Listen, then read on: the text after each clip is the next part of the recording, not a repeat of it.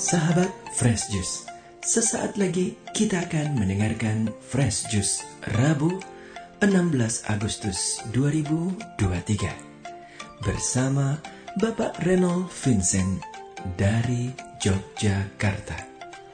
Selamat mendengarkan.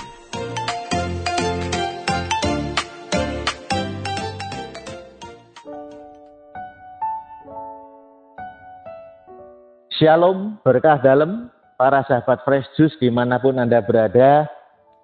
Merdeka! Menjelang peringatan atau hari ulang tahun negara kita tercinta ke-78 ini, tepatlah tema ini kita angkat. Merdeka! Tetapi bukan merdeka dari penjajahan Belanda atau Jepang, tetapi merdeka dari menghakimi sesama. Bacaan Injil diambil dari Matius bab 18 ayat 15 sampai dengan 20. Apabila saudaramu berbuat dosa, tegurlah dia di bawah empat mata. Jika ia mendengarkan nasihatmu, engkau telah mendapatkannya kembali. Jika ia tidak mendengarkan engkau, bawalah seorang atau dua orang lagi supaya atas keterangan dua atau tiga orang saksi perkara itu tidak disangsikan. Jika ia tidak mau mendengarkan mereka, sampaikanlah soalnya kepada jemaat. Dan jika ia tidak mau juga mendengarkan jemaat, pandanglah dia sebagai seorang yang tidak mengenal Allah atau seorang pemungut cukai Aku berkata kepadamu, sesungguhnya apa yang kamu ikat di dunia ini akan terikat di surga, dan apa yang kamu lepaskan di dunia ini akan terlepas di surga. Dan lagi, aku berkata kepadamu, jika dua orang daripadamu di dunia ini sepakat meminta apa pun juga, permintaan mereka itu akan dikabulkan oleh Bapakku yang di surga.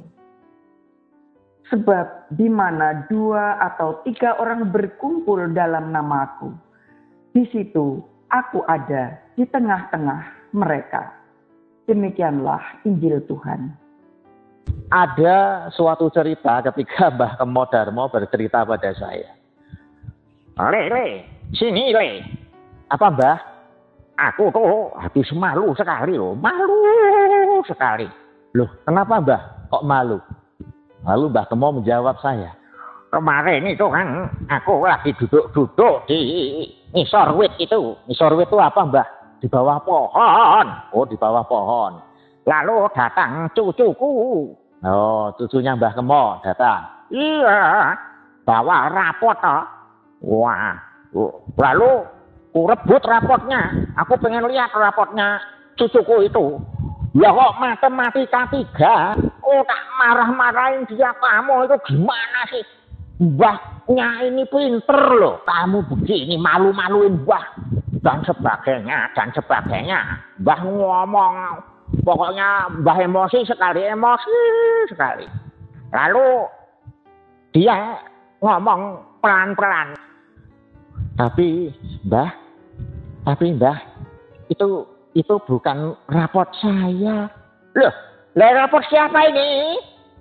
Itu rapotnya Mbah Kemo. Aku nemu di bawah lemari, Mbah. Oh, saya lihat toh. Oh iya, ini fotoku waktu SD ini.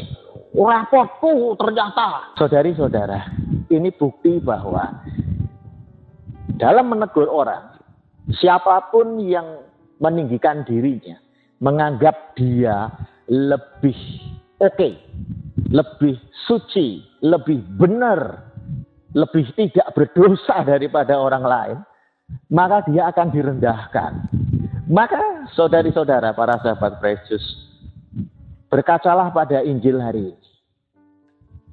Kalau dalam menegur orang lain, kita justru menyudutkan orang itu, kita justru menghakimi orang itu.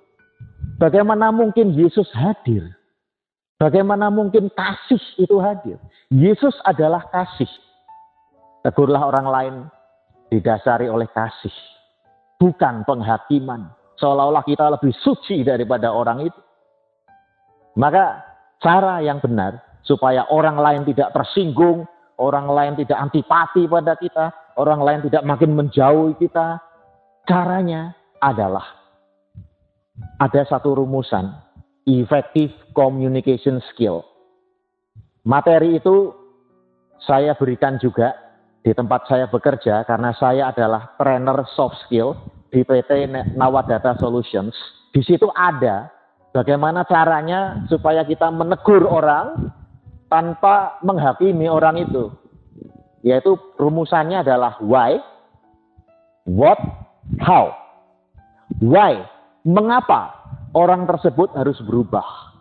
Bukan kamu ini ya, udah dibilangin berkali-kali, masih aja ngeyel, masih aja keras kepala.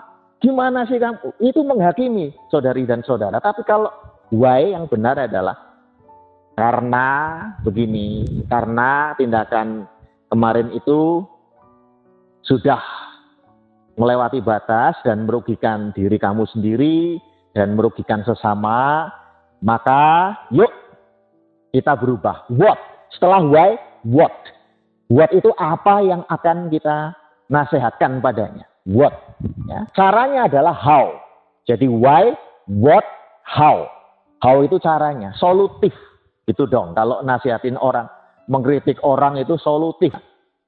Jangan terus mentang-mentang jabatan kita tinggi, gelar kita banyak, lalu kita seolah merasa lebih pintar daripada orang lain, lalu memaki-maki orang lain dengan bahasa-bahasa yang tidak semestinya diucapkan, yang tidak senonoh, yang tidak mencerminkan intelektualitas. Itu jauh tindakan yang jauh dari Yesus. Itu semua bersumber dari kemuliaan diri kita sendiri.